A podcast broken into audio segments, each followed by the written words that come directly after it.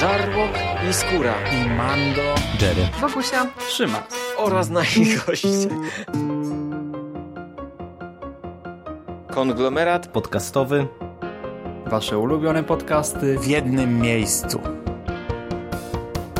Zapraszamy. Zapraszamy. Zapraszamy. zapraszamy. Zapraszamy.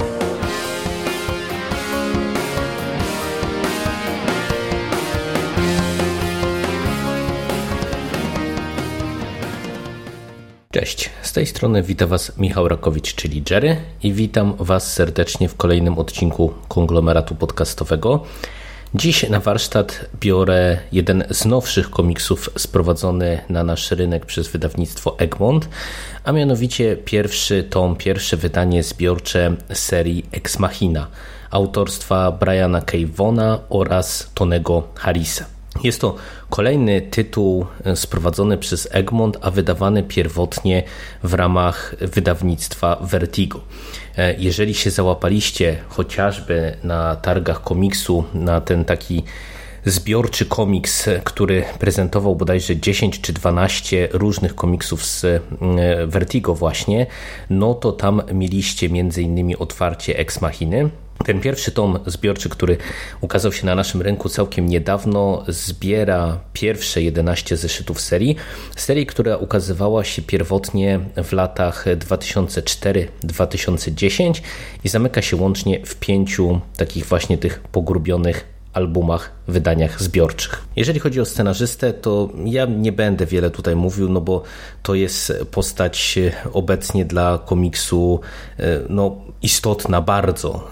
To jest człowiek, który odpowiada przecież między innymi za Paper Girls, które omawiamy tutaj w konglomeracie, za Y Ostatniego Mężczyznę, za Runaways, za Sagę oczywiście, no i między innymi także za Ex Machinę. Tony Harris to jest też człowiek w branży znany, kojarzony głównie z serią Starman, za którą nawet dostał nominację do nagrody Eisnera. I tak, ja o samym komiksie wiedziałem tak naprawdę bardzo, bardzo mało przed lekturą. Ta okładka wydania zbiorczego sugerowała mi, że będziemy mieli do czynienia z jakimś może takim retro nieco komiksem. No i tutaj od razu pierwszy szok, dlatego że akcja całości rozgrywa się w latach 1999 do 2005 czy 2006 i jest prowadzona dosyć niechronologicznie. Tutaj takim wydarzeniem bazowym w historii, którą przyjdzie nam śledzić, jest moment, w którym nasz główny bohater, główny protagonista, Mitchell Hundred, który jest inżynierem i który został wezwany przez swojego kolegę Ricka Bradbury na miejsce takie pod mostem bruklińskim, gdzie znalazł on jakieś tajemnicze urządzenie. Mitchell Hundred pojawia się na miejscu jako inżynier, żeby zbadać, cóż to jest, czy nie mamy do czynienia z nie wiem, jakimś niewybuchem, czy jakimś innym dziwnym urządzeniem mogącym stanowić zagrożenie. Urządzenie to wybucha, a on nabywa pewne moce. Moce, które sprowadzają się do tego, że może on kontrolować urządzenia mechaniczne, różnego rodzaju urządzenia mechaniczne, nie wiem, telewizory, radia, samochody, ale też pistolety, zegarki i tak dalej, i tak. No i my poznajemy naszego bohatera już można powiedzieć na końcu jego burzliwej, aczkolwiek krótkiej kariery politycznej. Dlatego, że Mitchell Hundred początkowo, po tym jak nabył moce, wraz ze wsparciem właśnie swoich dwójka przyjaciół, rzeczonego Ricka Bradbury, który był byłym agentem US Marine oraz Iwanem Tereszowem, czyli Kremlem, takim mechanikiem rosyjskim, jego kolegą czy, czy przyjacielem rodziny. Oni trochę bawili się w superbohaterstwo. Stworzyli Hundredowi taki specjalny kostium, no i on z wykorzystaniem tegoż kostiumu oraz właśnie tego swojego, tej swojej władzy nad maszynami, no bawił się w superbohatera. No ale mm, wiecie, ten świat Ex Machiny to jest świat e, współczesny, który superbohaterów nie zna. Tutaj superbohaterowie są tylko i wyłącznie w komiksach. E, no i ta kariera Hundreda jako superbohatera e, była tyleż burzliwa, co krótka, ponieważ on e, po zatargach z policją, po e, kilku nieudanych akcjach i po 11 września, który odcisnął na nim e, swoje dosyć poważne piętno, zdecydował się zmienić front i przejść do kariery politycznej. Uznał bowiem, że jako polityk, jako człowiek z wizją i też z określonymi mocami będzie w stanie zrobić dla miasta i dla ludzi więcej niż jako ta, ten super bohater. I tak jak wspomniałem, my poznajemy go już właśnie na końcu tej burzliwej kariery politycznej, dlatego że jedna z otwierających scen komiksu e, to jest e, taki monolog Hundreda, który mówi, że właśnie poznamy na, od całą historię od początku, od tego 99 roku, kiedy on nabył moce, aż do końca jego kariery jako polityka w 2005 roku. No i całe, cała ta opowieść w tym pierwszym albumie przez te 11 zeszytów jest właśnie takimi skokami prowadzona dosyć niechronologicznie. My y, dostajemy na początek właśnie te, ten, to otwarcie w postaci nabycia supermocy.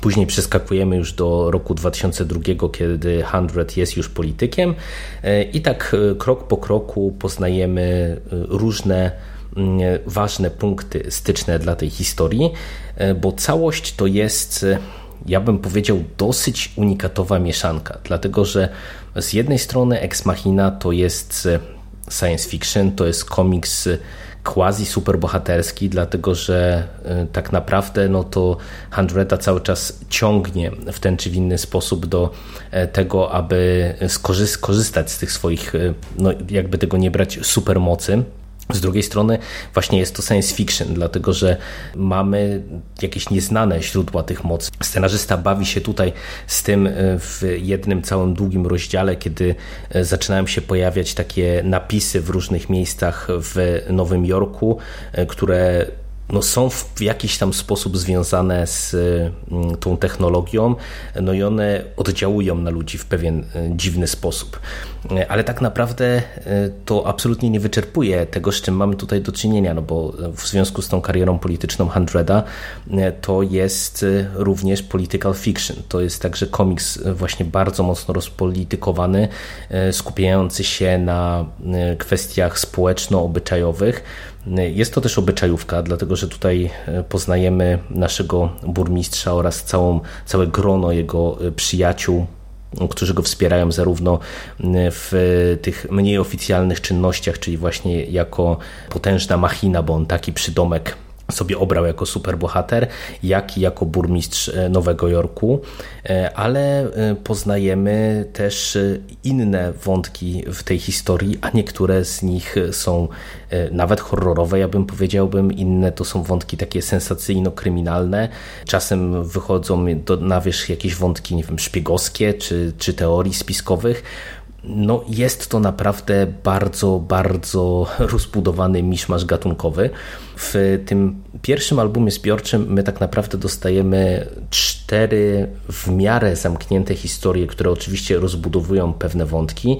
E, jest to pilot, stan wyjątkowy, pięciozeszytówka, tak, e, również pięciozeszytówka i e, rozdział zamykający, który nazywa się Fortuna sprzyja. I te historie, tak jak mówię, one są plus minus teoretycznie e, zamknie, zamykające pewne elementy tej historii, ale tak naprawdę no to czyta się to jak właśnie taki serial. Całość jest rozpisana jak serial. I tak jak wspomniałem, no, ja o komiksie nie wiedziałem absolutnie nic, kiedy siadałem do lektury. E, od razu na początek się zaskoczyłem, z czym mamy tak naprawdę do czynienia. E, no i ja Wam powiem szczerze, że jestem zadowolony z tej lektury. E, co jest w sumie dziwne z dwóch powodów. Po pierwsze, ten miszmasz gatunkowy jest naprawdę przepotężny. Tutaj konwencja obrana czy klimat opowieści zmienia się co chwilę i naprawdę czasem można się w tym pogubić, szczególnie, że, że tutaj mamy nie tylko do czynienia z tymi zmianami konwencji, ale także z tym ciągłym zaburzaniem chronologii, wracaniem do pewnych wydarzeń z przeszłości, skokami w przyszłość itd., tak itd. Tak to powoduje, że to nie jest dzieło e, takie zupełnie lekkie w odbiorze, ale też oczywiście nie ma co przesadzać z tym, że e, jest to, nie wiem, jakiś komiks e, bardzo trudny do ogarnięcia. Nie, no tutaj scenarzysta dba o to, żebyśmy się w e, tej całej akcji nie zgubili. Ten podział właśnie na te takie krótsze historie, to zresztą tak jak w takim swoistym posłowiu, zresztą całkiem fajnym, sam Won opisuje to był jego taki cel właśnie, żeby gdzieś tam zamykać te fragmenty opowieści w takich e, historiach, które będą mogły być później wydawane w e, ramach tych albumów zbiorczych. I całościowo, e, mimo właśnie tego rozstrzału gatunkowego, czyta się to z nieustającym zaintrygowaniem, no bo właśnie mówię, tu mamy jakieś wątki kryminalne, tu społeczne, tu nagle e, wyskakuje taki motyw e, wręcz horrorowy.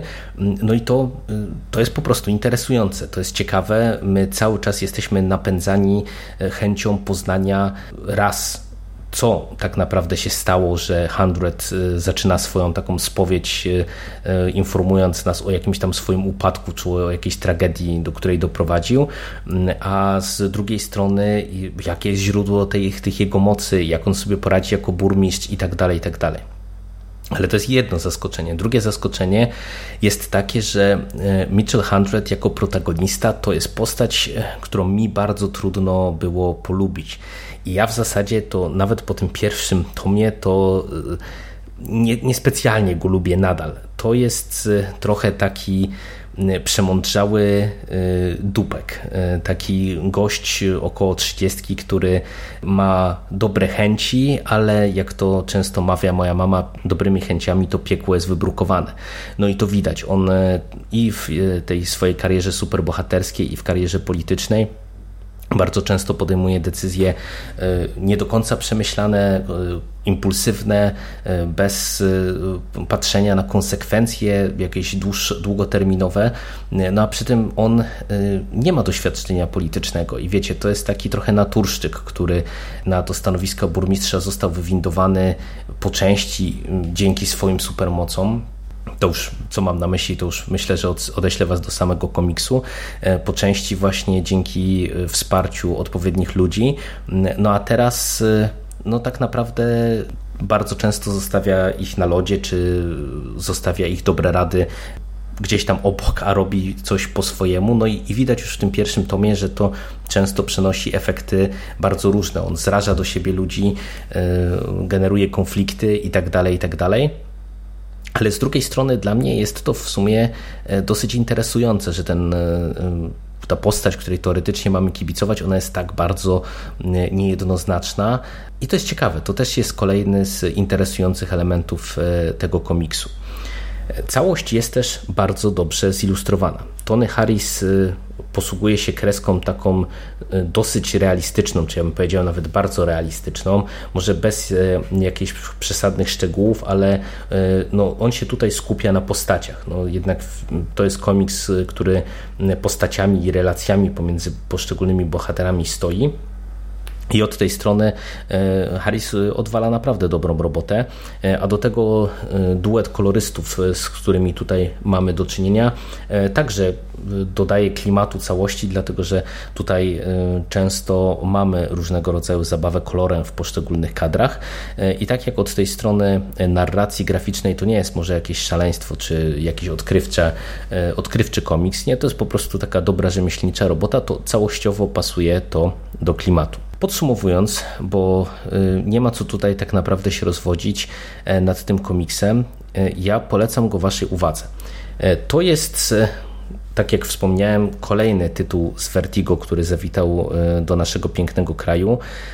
I to już też jest chyba jakiś dowód, że pomału zaczynają nam się kończyć te takie najgłośniejsze komiksy ostatnich lat, no bo wydaje mi się, że mm, Ex Machina to dla różnych wydawców to nie byłby tytuł taki, wiecie, pierwszego sortu, jeżeli chodzi o wybór nowego tytułu do wprowadzenia na rynek, no bo to jest komiks wydaje mi się, że relatywnie niszowy. E, właśnie przez tą swoją tematykę, przez to skupienie na polityce, przez tego niejednoznacznego bohatera, przez ten mismasz gatunkowy, to wszystko powoduje, że e, to, że mamy do czynienia z komiksem, który ma z tyłu napisane tylko dla dorosłych, e, to nie jest coś, co możemy kojarzyć, nie wiem, z jakąś brutalnością, krwią i flakami, które o dziwo też się tutaj pojawiają, ale, ale to nie jest właśnie tego rodzaju komiks, tylko to jest komiks e, raczej dla dojrzalszego, e, dorosłego czytelnika, który e, oczekuje od medium po prostu jakichś bardziej unikatowych, ciekawszych historii.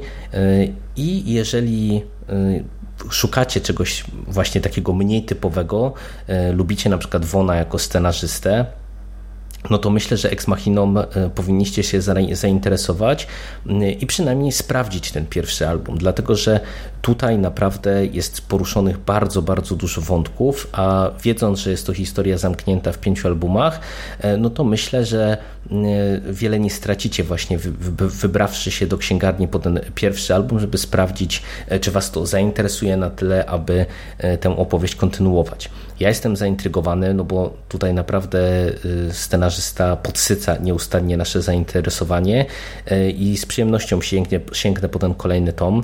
Opowiem wtedy wtedy może co nieco więcej spoilerowo, jak to się wszystko rozwija. A dzisiaj ode mnie to by było tyle. Dzięki Wam bardzo i do usłyszenia wkrótce. Cześć.